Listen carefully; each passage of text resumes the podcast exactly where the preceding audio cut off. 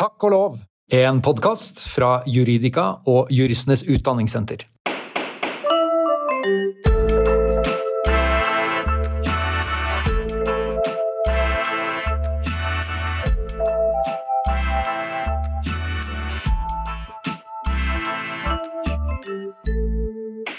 Hei og hjertelig velkommen til nok en episode av Takk og lov, en podkast for deg som lurer på hvordan jussen, og kanskje også juristene, og kanskje også statsviterne med massiv pressebakgrunn, egentlig henger sammen. Vi skal nemlig i dag snakke med noe så sjeldent som en ikke-jurist. Og det er jo alltid en glede i denne podden når vi får den sjansen. Skjønne hvordan verden der ute egentlig henger sammen. Og det er ikke en hvilken som helst ikke-jurist heller. Det er faktisk lederen for Ytringsfrihetskommisjonen, som leverte sin NOU nå i høst, Kjersti Løken Stavrum. Velkommen til oss, Kjersti. Jeg følte meg privilegert før introen, men nå kjenner jeg at dette er helt unikt. Altså, vi skal få deg til å føle deg så verdsatt gjennom hele denne episoden. Fantastisk. Det kommer ikke til å falle meg veldig vanskelig, i hvert fall, for jeg syns du er en av mine fav absolutte favorittpersoner å snakke med. Ikke bare om dette temaet, men også det. Um, du ledet altså Ytringsfrihetskommisjonen, som jobbet fra februar 2020 til august 2022 et ganske vidt mandat som du allikevel klarte å samle. Det var ikke noe sånn uh, Borten som måtte bære sprikende staur. Iallfall så så det ut som et ganske pen skigard da dere leverte. Så det var veldig imponerende. Og dette er jo da uh, en kommisjon som uh, har en forløper 20 år før i tid, nemlig den ytringsfrihetskommisjonen som leverte sin utredning i 1999. Um, det var høringsfrist på NOU-en nå i januar. Det kom ganske mange innspill. Har du talt? Jeg har ikke talt, men jeg innrømmer at, at jeg kicka inn dette konkurranseinstinktet mitt. Så når vi, når vi planla eller gikk gjennom litt eh, risset for høringsrunden, ja. så sa jeg til departementet at jeg ville at det skulle bli norgesrekord i høringer. Ja. Og det var de med på. Ja. Jeg tenkte jeg følte i hvert fall det. Eh, så, så, vi var litt sånn Gikk eh, med all, alle krefter inn for å få til det, men så kom vi til at der hadde nok Trond Giske også der eh, tatt innersvingen på, på, muligheten til det, for han kjørte eh, høringsrunde på når kirke og stat skulle deles. Ja. Og da sendte han ut høringer til alle landets menighetsråd, blant annet.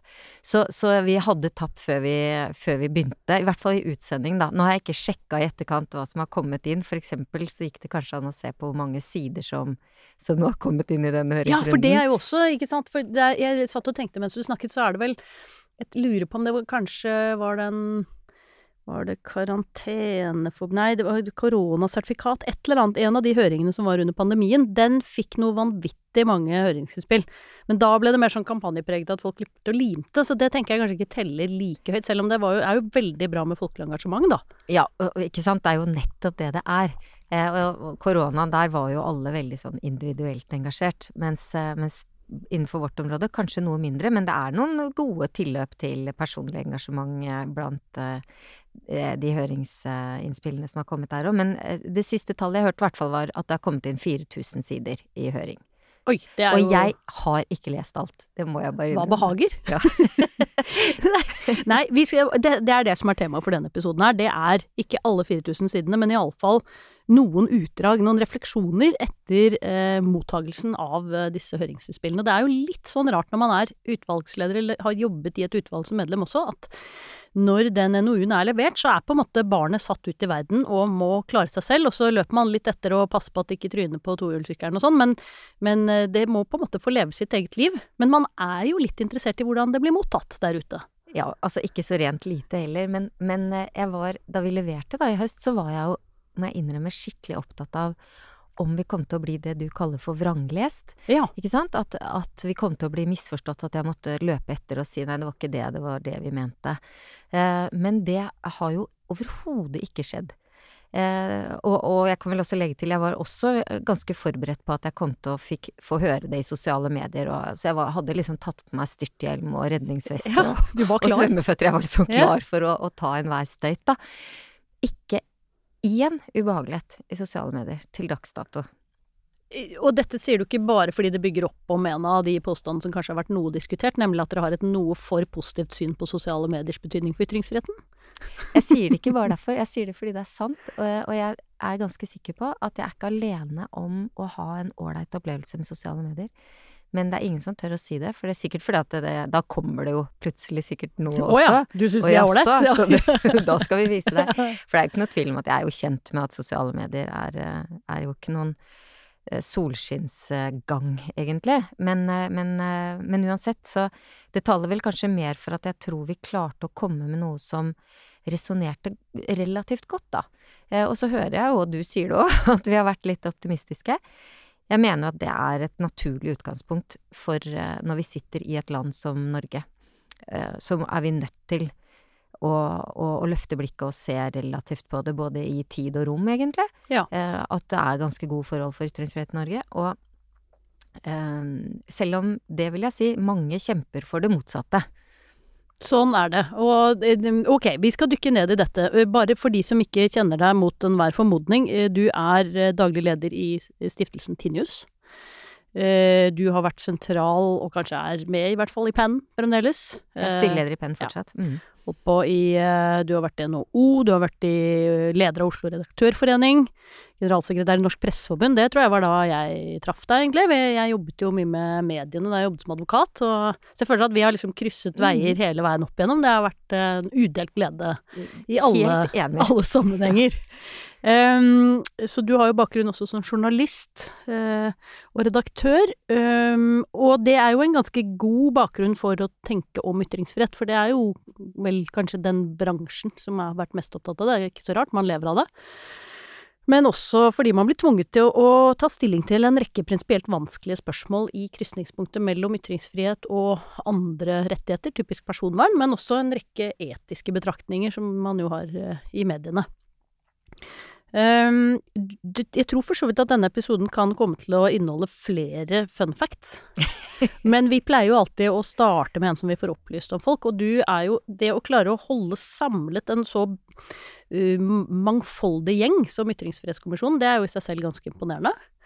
Så du er jo i noen Altså, du er en sånn veldig sjelden blanding, tenker jeg, av en person som er veldig tydelig i standpunktene dine, uttrykker dem tydelig, og selv om de av og til går på tvers men samtidig er jeg en veldig brobygger. Men du driver ikke bare og bygger broer. Nå hører du hvor jeg skal. ja.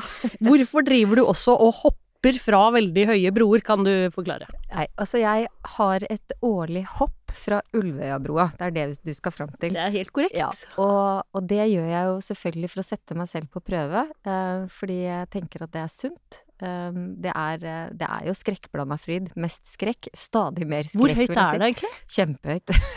Det, det, der tallet spriker veldig i forhold til hvem du spør. Altså, vi som har hoppa, har en tendens til å ta litt høyere tall enn de som ikke har hoppa. Det kommer vel an på om det er høyvann eller lavvann. Men det er sånn maks seilingshøyde og sånt noe, så jeg pleier vel å si at det er sånn 10-11 meter eller noe sånt nå. Ja, men alle som ja. har vært på tieren på Frognerbadet vet at det er dritskummelt, og dette er da i tillegg en bro, og det er hav under. Ja, det er det. Og det som er veldig viktig, er å ikke bli så fokusert på hoppet at du glemmer om det kanskje kommer en båt. Har du gjort det? Nei, men jeg vet noen som har gjort det på en litt lavere bro. Det er derfor jeg prøver å huske på det. Men jeg kan jo legge til liksom en fun fact del to, da. Ja, det er fint. At mannen min, som, som, ikke er så glad i å hoppe fra den broa, men han føler nok veldig sterkt at han kan ikke la meg hoppe bare. Fordi livet etter det hoppet vil kunne bli litt ja, vi, vi konkurrerer oh, ja, jo litt det sånn Det er dere litt konkurransepreget ja, i dette ekteskapet, absolutt. er det slik? Ja. Så han ble jo motvillig med i nå sist sommer. Og han brakk faktisk ribbeinet i det hoppet, så, så, det kan man jo da legge til siden vi er inne på dette området. Så nå angrer han på at han i det hele tatt hoppet, for nå føler han seg i hvert fall dårligere enn det etter det hoppet.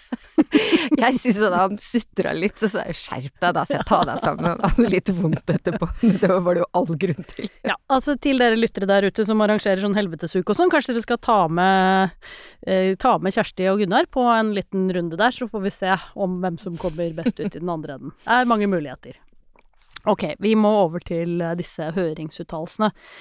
Um, den spenner jo vidt, den ytringsfrihetskommisjonen. Mandatet var vidt. Dere har allikevel klart, eh, syns jeg, å svare ut veldig mange spørsmål på en veldig god og pedagogisk og velskrevet måte, som det er mulig å tilegne seg også for dem som ikke er ramla i den der ytringsfrihetsgryta som små og syns at alt sånt er interessant uansett. Um, jeg lurer på om jeg bare gir deg ordet litt fritt, jeg, til å reflektere litt om noen av høringsuttalelsene som du har merket deg selv. Ja, altså jeg har gått gjennom noen, eh, noen sånn eh, fordi jeg syns jeg eh, bør og skal, og sånn seriøst har lyst, og så noe av ren glede. Eh, og, og, det er som du sier, de spenner veldig, de spenner veldig vidt. Men jeg, jeg syns det er naturlig å starte med Advokatforeningen sin, som, som eh, ikke fordi jeg sitter her, men det var fordi jeg begynte med Advokatforeningen. Nei, det er fordi generelt advokater er de viktigste. Ja, altså jeg min, min, drøm er jo at jeg skulle ha blitt jurist, men jeg, så jeg er jo mer sånn der eh, bransjefan, da. Og vi er ja. veldig det, det er eh, akkurat, det er derfor vi jobber så godt sammen, for jeg kunne jo tenkt meg å være journalist. Det, der har vi det. Der er ja. koblingen. Men, men Advokatforeningen har en sånn god systematisk gjennomgang av, av rapporten, og starter med noe som jeg likte veldig godt, og det er jo selvfølgelig Nå har jeg nå, Jeg skal jo innom alle kjepphestene mine her, og en av de er at de skriver at de fremhever som viktig at kommisjonen også undersøker og løfter metodiske svakheter ved forskningen som er gjengitt, og fremhever områder ja. der ytterligere forskning bør prioriteres. Og det eh, vi, vi, skriver det, vi, skriver jo det, mange steder, at her bør man eh, studere mer, og det bør man. Men eh, men det de peker på der, er jo at vi har gått gjennom mange undersøkelser om da som litt sånn overordna sagt sånn hat og hets. Masse hat og hets. Og ser jo at det er systematiske svakheter ved de fleste, egentlig. Ikke de som Institutt for samfunnsforskning har levert gjennom årene. De har jo jobbet systematisk med å kartlegge status for ytringsfriheten i tre runder, på mm. oppdrag av Fritt Ord. Forbilledlig, vil jeg si. Eh, også fordi at det gir oss mulighet til å sammenligne over tid. Og da er det jo interessant da å se at de over tid, disse tre rundene de har hatt, ikke ser noen økning i rapportert hat og hets, for eksempel. Nei. Som man jo, hvis man følger debatten om hat og hets, skulle tro at, at det har vært. Ja. Eh, men, men, det vi ser er, hvis jeg kan si det med egne ord, litt sånn Det virker som om veldig mange har lyst til å måle hat og hets fordi de har lyst til å fortelle hvor fælt det er. Og da er disse undersøkelsene skrudd litt til, sånn at det blir det blir en dårlig melding. Ja, også her er det en slags bindeledd, ikke mellom nødvendigvis juristene, men mellom forskerne og mediene. For mediene har jo også en tendens til å fokusere på det som går gærent. Ja.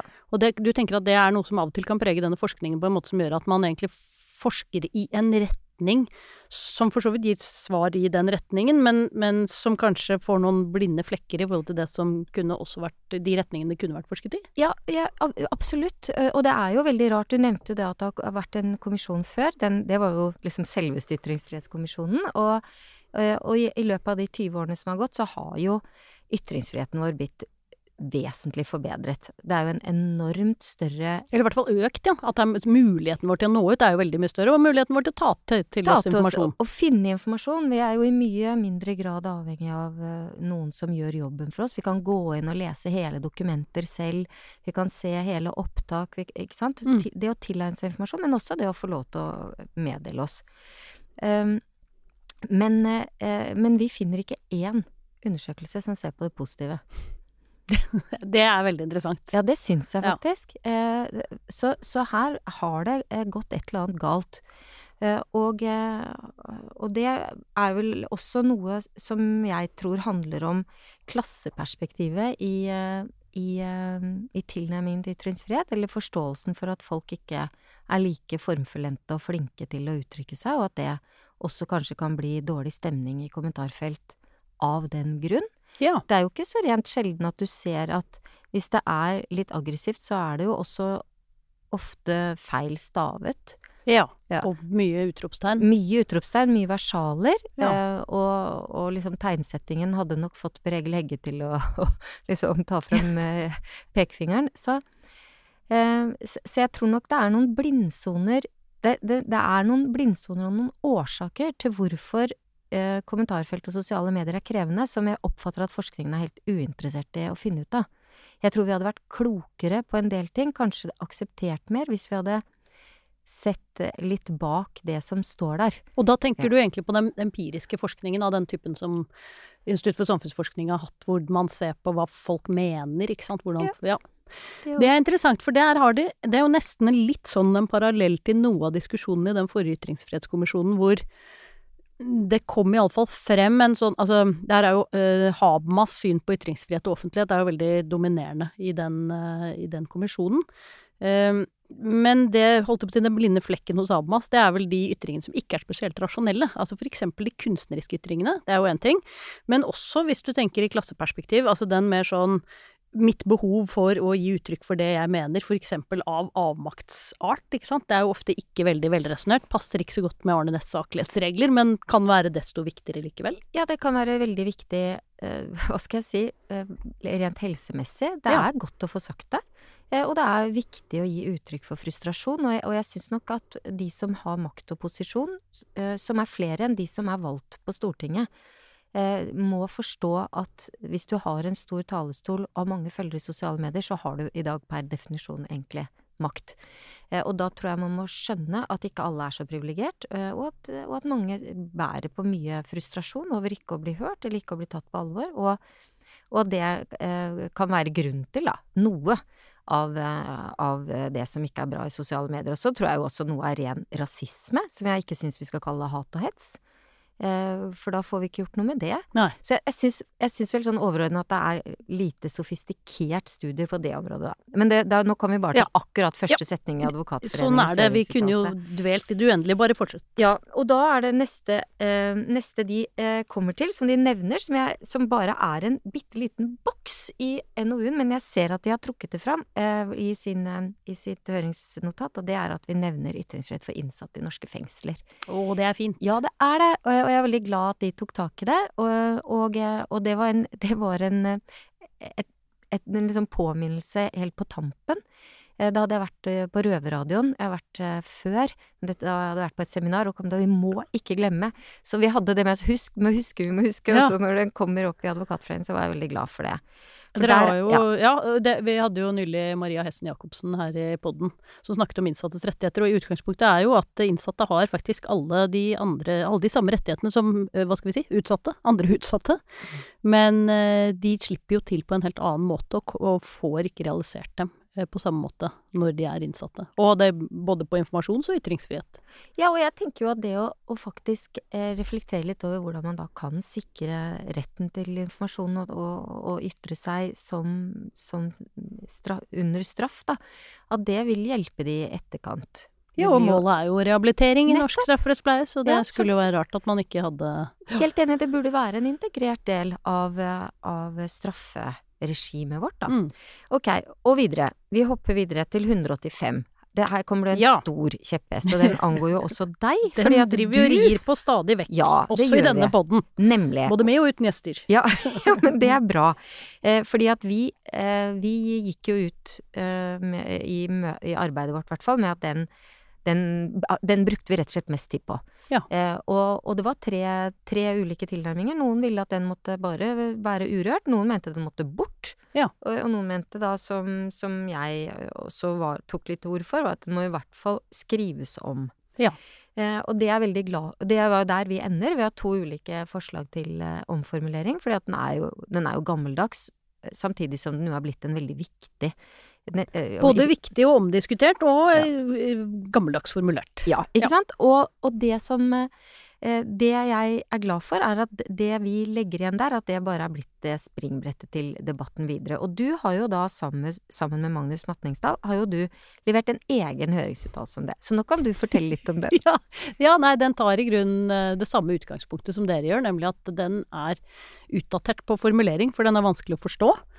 Og så er det noen tilleggsproblemer der, eh, hvor kanskje én har blitt veldig tydelig de seneste årene, nemlig at eh, det som i utgangspunktet er en samfunnsvernbestemmelse, som skal verne minoriteter mot det hatet som kan oppstå hos majoriteten mot dem som følge av hatefulle ytringer, eh, har beveget seg til kanskje vel så mye å bli en bestemmelse til vern om ja, hva skal vi si, den personlige integriteten til enkeltrepresentanter for minoritetene, som blir utsatt for sjikane. Uh, og det kan det være god grunn til å verne dem mot. Det er bare ikke sikkert at det er hensiktsmessig, og sånn strafferettsteoretisk heller, lurt å ha to såpass ulike interesser vernet av den samme bestemmelsen.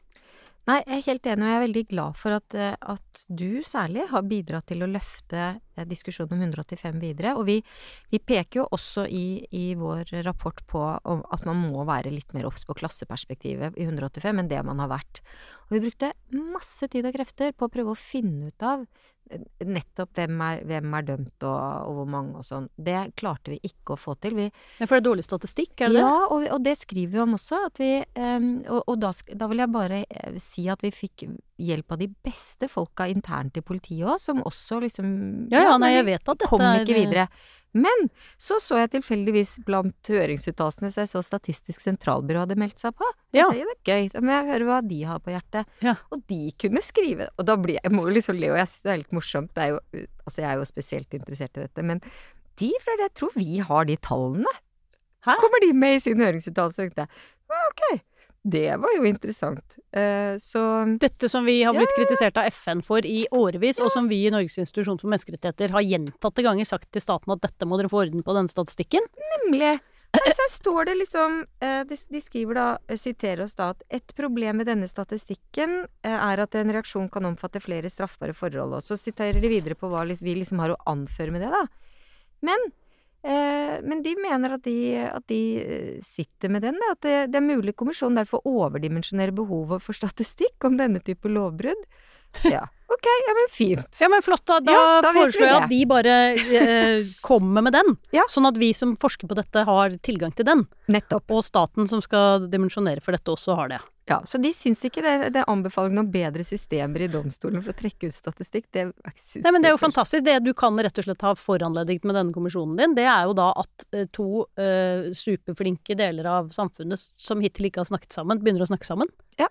Men, og det var litt sånn Man kan jo bare bli glad for det. Ja. ja så det ble jeg kom til den, da. Dette ja. var uh, veldig gode. Så nyttig, nyttig informasjon. Ja. Men så skal jeg også si, det er jo, det er jo et stort strekk i laget her, ikke sant. Eh, og det skulle jo også bare mangle, for ytringsfriheten er jo for, eh, for holdt jeg på å si, for Gud og hvermann, og det er jo i hvert fall for alle. Hele poenget. Hele poenget er jo det. Eh, og det, Demokratene har, har, også levert Partiet Demokratene har også levert inn en, eh, en uttalelse. Ja. Og, og, alle skal med, tenker jeg. Eh, men de starter litt sånn friskt, da. Jeg må få lov til å lese det. Ja, nydelig. Ja. De skriver da demokratene må bare innrømme at vi ikke har rukket å lese alle de 340 sidene i rapporten fra Ytringsfrihetskommisjonen av sprikende kvalitet og etterrettelighet. Og de har ikke lest det, men det, de kan konstatere at det er sprikende kvalitet ja, og etterrettelighet? Ja, de gjør det, faktisk. Så de fikk i hvert fall med seg det. Mm. Eh, og da skriver de bare at vi vil derfor bare kommentere på anbefalingene fra denne såkalt Ytringsfrihetskommisjonen, som åpenbart opererer med et misvisende navn i tråd med The Ministry of Truth fra boka 1984. Er litt usikker på hva det betyr, men jeg syns det var litt artig. Særlig det at de da ikke har lest det, faktisk. Ja, det er jo et, det var jo et kompliment.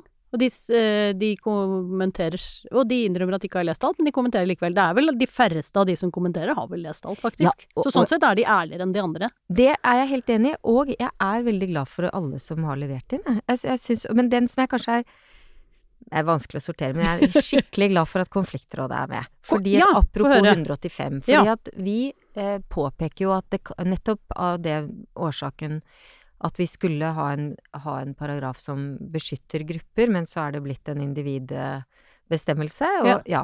Eh, og sannsynligvis har Konfliktrådet en viktig jobb å gjøre, som bør utforskes enda mer. og, og, og prøve å få folk til å finne ut av det, som har, de, som har stanga sammen i, ja, i, i, sosiale medier, da. Ja.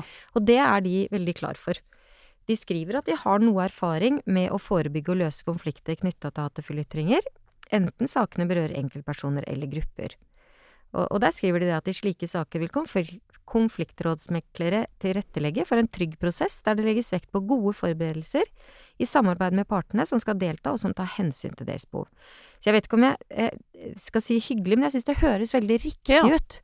Eh, at, at, man må utforske hva konfliktrådet kan bidra til for å Det høres ja. Eh, riktig ut, jeg er helt enig. Ja, så jeg var veldig glad for at de eh, at de har meldt seg på det og, si, og rekker opp hånda. Bare i forlengelsen av dette Ministry of Truth fra 1984, som vel ja. henspiller på sånn type nytale, ikke sant. Um, det er jo Hovedsensurinnstansen i våre dager, det er jo ikke stater. Det er jo kommersielle selskaper som uh, har overtatt store deler av infrastrukturen for samfunnssamtalen vår, og har sine brukervilkår som håndheves uh, mer eller mindre vilkårlig, kanskje, og i hvert fall lite transparent, og med få åpenbare rettssikkerhetsgarantier innbygget. Veldig lite lignende um, domstoler i demokratier med ytringsfrihet, hvis vi skal lage en sånn eh, parallell. Dere har et eh, innspill fra Nei til EU som jeg syns var interessant. Ja, det syns jeg òg. Ehm, eh, de, de, påpeker jo det at vi trekker fram da den reguleringen som kom fra EU om Digital Services Act. Ja, denne DSA-forkortelsen som vi har vært innom i en tidligere pod-episode ja. her. Så da skal vi ikke gå mer inn på den, men at vi mener at den balanserer hensynet til ytringsfrihet på en forsvarlig måte mener vi da. Opp mot behovet for en rettslig innramming. Ja, ja. ja, det mener vi. Men Nei til EU skriver, syns jeg, veldig presist at det springende punkt er hvem som til enhver tid avgjør hvilke meninger som utgjør en potensiell samfunnsrisiko. Og det beste eksempelet vi har i nyere tid, syns jeg, da, er jo dette at det vi, vi begynte jo å lure på om dette covid-viruset kom fra et laboratorium i Kina, og så ja. ble det jo selvfølgelig forbudt å skrive det. Ja. Eh, og så kunne vi skrive det igjen. Og nå skrev jo Aftenposten her om dagen at eh, mye taler for at det kom fra et, fra et laboratorium. laboratorium. i Kina. Så, uh, så, det viser jo problemet, egentlig, i sånn destillert, hvor, hvor, uheldig det er å begynne å forby ytringer. Ja, og hvis man er veldig skeptisk til EU, så kunne man kanskje trekke en parallell til uh, denne runden med den, den, disse scenarietenkningen fra var det Forsvarets forskningsinstitutt, som ble mottatt dårlig i departementet av statsråden, som syntes at det å fremheve nei til EU-synspunkter som potensielt konspiratoriske, det skulle vi ikke ha nå. Nei. nei. Eh, det blir jo bare tull. Det blir jo bare tull, for det var jo det, det, Han hadde jo misforstått hele Ja ja, nei, alt var jo gærent ja. med den saken der, men jeg tenker at uh, når man først kommer inn i den type problemstillinger, så er det jo Ehm, det er jo mange spørsmål å stille til hva som eh, henføres under merkelappen konspirasjonsteorier, og at det av og til også kan bli et maktmiddel for ja. å undertrykke meninger som man selv um, er uenig i, rett og slett. Ja. Jeg eh, nå, klinka til på fest her for en stund tilbake med, etter at denne, denne gassrørledningen var sprengt. Ja. Og jeg testa hypotese, tenk hvis det er Ukraina. Ja. Og da ble det jo selvfølgelig vill latter, og ha-ha, Ukraina har jo ikke sjøforsvar. Eh, men, men, eh, de hadde jo åpenbart Det var jo de som hadde størst interesse ja. av at det skjedde. Ja. Eh, sånne ting kan man jo da glede seg over. Så neste fest, da er det Sveits du tar for deg, som heller ikke har sjøforsvar, og så prøver du ut Nei. Tester ut en ny en der. altså, jeg skal, nevner jo nå ikke alle de andre Eh, feilaktige hypotesene, men jeg liker jo godt hypotesetesting. Ja. Ikke sant? Du må jo kunne lufte vettet ja. uten å bli tatt til inntekt for eh, at du alltid mener det heller. Åh. ja. ta med dere dette, lyttere. Dere må kunne lufte vettet. Uten at dere alltid blir tatt til inntekt for at det er riktig. ja. Nydelig. Vi har rekker en liten tanke eller to til, hvis du har med deg noe. Um, altså det um, da eh, kommer det et hjertebarn mer enn en kjepphest, og det er Forfatterforeningen, som i, i sin eh, høring trekker fram fribyordningen. Ja. ja. Hva den, er fribyordningen? Ikke sant. Det er, mener jeg, juvelen i asylinstituttet. Eh, det er en ordning som gjør at truede forfattere, journalister, karikaturtegnere, poeter, også musikere, i andre land eh, får hjelp til å komme seg ut der de eh, ofte da er fanget eh, på et eller annet vis, og får opphold i europeiske byer for å få en, en friby, en type pustepause, men i Norge og i Sverige får de asyl.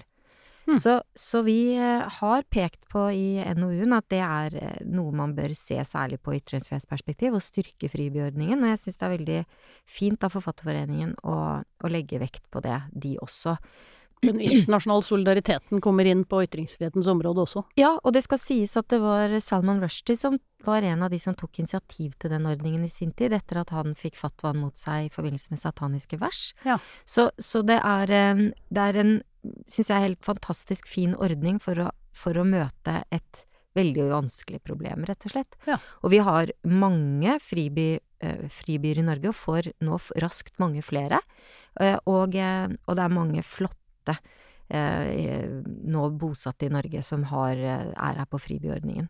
som er eh, ressurser fortsatt der hvor de er. Poenget er jo at de skal kunne fortsette å ytre seg overfor sitt publikum hjemme, men, men at de også bringer mye bra inn i de nye byene de har kommet til her hjemme. Bra. Mm. Så det er jeg glad for at jeg da fikk nevnt. Og så er det jo også en sånn supersøt en. Ja. Den, Jeg tror den var den første som kom, altså. Eh, Vi har mange ungdomsråd som har kommet. Ungdomsrådet i Asker har levert, for eksempel, en, en, en grundig en. Ja. Eh, eh, hvor de Ikke sant? Og det er jo eh, det er jo viktige med at mange har ulikt ståsted, er at det kan komme ideer som, som kanskje er litt sånn aparte, men som likevel kan åpne hodet litt, for de skriver at det bør ses nærmere på hvorvidt mennesker med polariserende meninger bør ha samme eksponering til algoritmebaserte men medier. Ja, Ja. ikke sant. Det at de litt sånn De skjerming. bør skjermes, men, eh, men så er det jo dette med polariserende meninger, og hva er det, ikke sant? Så ja, det er- og hvem skal stå for den skjerming. Det er jo noen Men det er bra. Men allikevel, det det er et eller annet med at det gir en fin anledning til å, til å bringe inn ting. Da. Så skal jeg også si at Språkrådet har meldt seg på med en som jeg syns er veldig pussig. Mhm. For de mener at mangelen på Den er skrevet på nynorsk, men jeg leser det på norsk. Mener mangelen på språkperspektiv er en så vesentlig svakhet ved, ved redegjørelsen vår at vi ber om et supplerende utgreiingsarbeid. Men vi hadde egentlig ikke det sånn i vårt mandat. Nei. Så jeg oppfatter nesten Språkrådet, Språkrådets høring som, som vel så mye et forsøk på å em, få i gang noe de er opptatt av.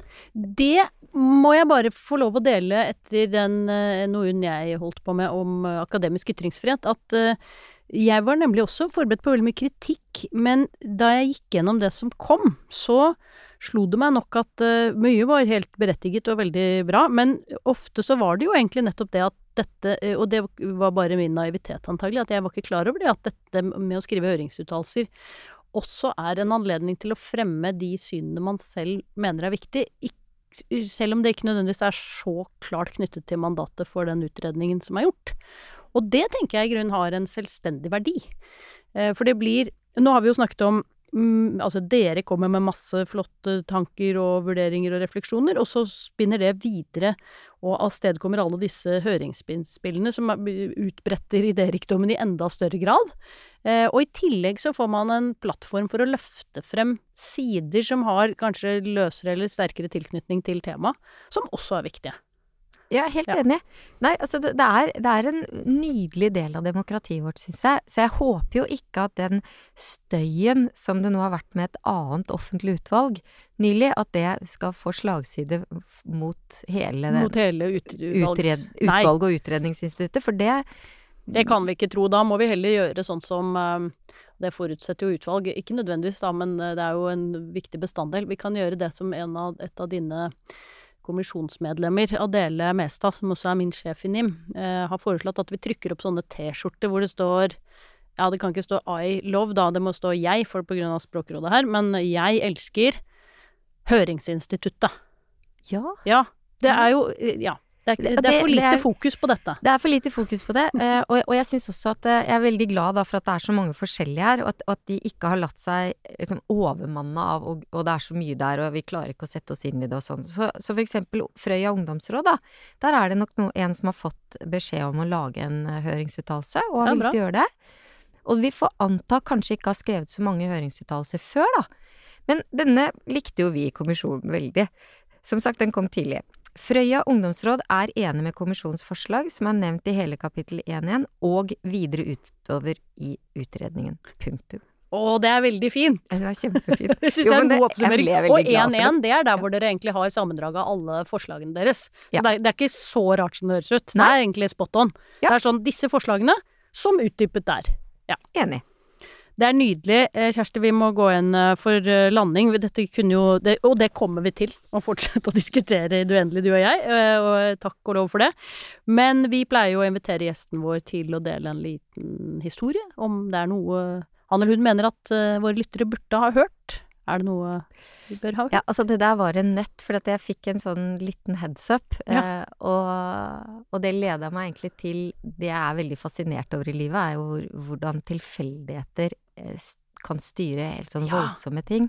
Altså vi planlegger jo veldig, prøver i hvert fall, eh, og har liksom kontroll. Eh, og, og jeg er veldig klar over denne delen av min karriere, altså, for jeg søkte da sommerjobb i Aftenposten. Ble innkalt til intervju og var veldig ydmyk for det, altså. Jeg hadde jobbet eh, i lokalavis, men for meg var jo Aftenposten da helt liksom Det var det store. Inn til intervju, og, og, og så sier han som intervjuer meg da Ja, hvem har malt dette maleriet her? Som var på veggen bak han. Det var ikke det der kolonialistiske Det var ikke Krog, men det var en Munch. Oh, ja. Men, men problemet for meg da var at det var fra hans sånn sosialrealistiske periode, så du kunne egentlig ikke se med en, eh, en, en 19-20-årings øyne Hvilket bilde var det, da? Nei, 'Arbeiderne kommer', tror jeg det heter. Oh, ja. ja. ja. Ja, så er det sånn tømmer det er Du har sett det, det er en tømmerstokk og, og noen arbeidere, men jeg klarte jo ikke det helt. Nei. Nei. Eh, så eh, Og så da, for å eh, ytterligere liksom legge løkka rundt halsen på meg, så spurte han også, husker jeg, hva jeg forbandt med Bærum formannskap. Og da ble det litt sånn, hva har skjedd i Bærum formannskap? Og så kommer svaret, ja, formannskap er en del av kommune, eh, ikke sant, i administrasjonen, ja. Ja. Tenkte jeg, det visste jeg jo, men det var ikke det du spurte om, men jeg kunne liksom ikke begynne å kverulere Nei. heller. Så da fikk ikke jeg sommerjobb i Aftenposten. Fordi du ikke kunne din Munch og ikke ditt Bærum formannskap. Og det siste jeg ble spurt om, hadde jeg vært i operaen. Og det hadde jeg ikke vært. Jeg kom fra Askim, det var liksom det var ikke, Når jeg dro til Oslo, så var det ikke på operaen. Um, så, så da kunne han bare konstatere at de, Du har ingenting i denne avisen. At de trengte folk med litt bedre allmennkunnskaper. og det, jeg syns jo det er litt morsomt, men jeg søkte jo igjen neste år, da. Eh, og da var intervjuteknikken helt annerledes. Det var andre ting jeg la vekt på. Ja. Som om jeg hadde hatt vennene mine lenge, for eksempel. Oh. Ja. Ja. Så da sa jeg ja til det. Og Ja. det var riktig svar. Så da begynte jeg Aftenposten. sånn nei, jeg bytter dem ut så ofte jeg ja, kan. så ofte jeg kan. Jeg kaster ut. Men, men jeg syns jo det jeg, jeg fortalte også dette da jeg slutta i Aftenposten, eh, og da hadde jeg jo vært redaktør der i mange år. Eh, Men, men det viser jo liksom hvor eh, Ja, hvor kort vei det kan være mellom lykke og ulykke. Ja, Mm. ikke sant. Du gikk inn med med svulmende hjerte og tenkte dette overgikk alle mine fantasier, og det viste seg at det gjorde det. Men ja, det gjorde det, og det verste var jo at da jeg gikk ut, så var jeg jo helt enig med han. Jeg tenkte nei, de har jo ikke bruk for sånne som meg. Å ja, så han lykkes ja. Ja, med sitt maktspråk på den måten. Ja, det vil jeg si, Skrekk altså. og gru. Men jeg hadde jo store forventninger til Aftenposten. Ja. Så det blir jo litt sånn om du vil være med i en forening som vil ha deg som medlem, ikke sant. Det er jo et eller annet der. Ja, sånn ja. Ja, Så du, mm. det, ja, det forhindret deg jo åpenbart ikke fra å søke igjen neste år. Nei, jeg var Da hadde jeg enda tydeligere og da hadde du lest deg vanvittig opp på Munch og formannskap i Bærum. Og så ble det Ja, og det siste var jo også om jeg kunne veien til Fettsund. Ja. Det er jeg ikke sikker på om jeg kunne svart på heller. Nei. Nei. Nei. Eh, Nei, så du skjønner, det var jo stryk over hele linja. Ja, ja. Hadde Ja. han tatt Slitus, så hadde jeg jo stått mye sterkere, selvfølgelig. Ja, så det er jo litt tilfeldig hvilke, mm, hvilke steder man velger ut, ja. Mm. Jeg er enig i det. Ja, men dette var vidunderlig. Kjersti, tusen takk skal du ha. Um, kanskje bare helt til slutt, uh, hva skjer nå? Hvem, Eh, hvem følger opp denne NOU-en? Det er jo utrolig mange ulike typer mm, forslag dere kommer med, og ulike typer innspill, som vi har hørt. Jeg ser jo at mange løper i ulike retninger, eh, og jeg oppfatter at eh, Kulturdepartementet som har tatt den imot, eh, har tatt veldig på alvor at vi jo snakker til mange forskjellige departementer.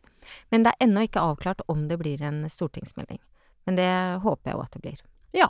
Og om det blir en eller kanskje flere som Ja. plukker opp ulike sider av det. Følg med i neste episode av Takk og lov, selvfølgelig, bestandig, men også uh, Ytringsfrihetskommisjonens uh, oppfølgingsføljetong. Nydelig. Tusen takk også til dere lyttere for at dere var med oss gjennom denne episoden. Vi høres igjen i neste uke til nok en episode av Takk og lov. Da er det tid for litt grann reklame. Med Juss Digital fra Juristenes Utdanningssenter får du tilgang til markedets største portefølje av juridiske kurs. I abonnementet så kan du plukke og mikse fra porteføljen av levende juss, fordi det skal være enkelt å ta vare på sin egen kompetanse.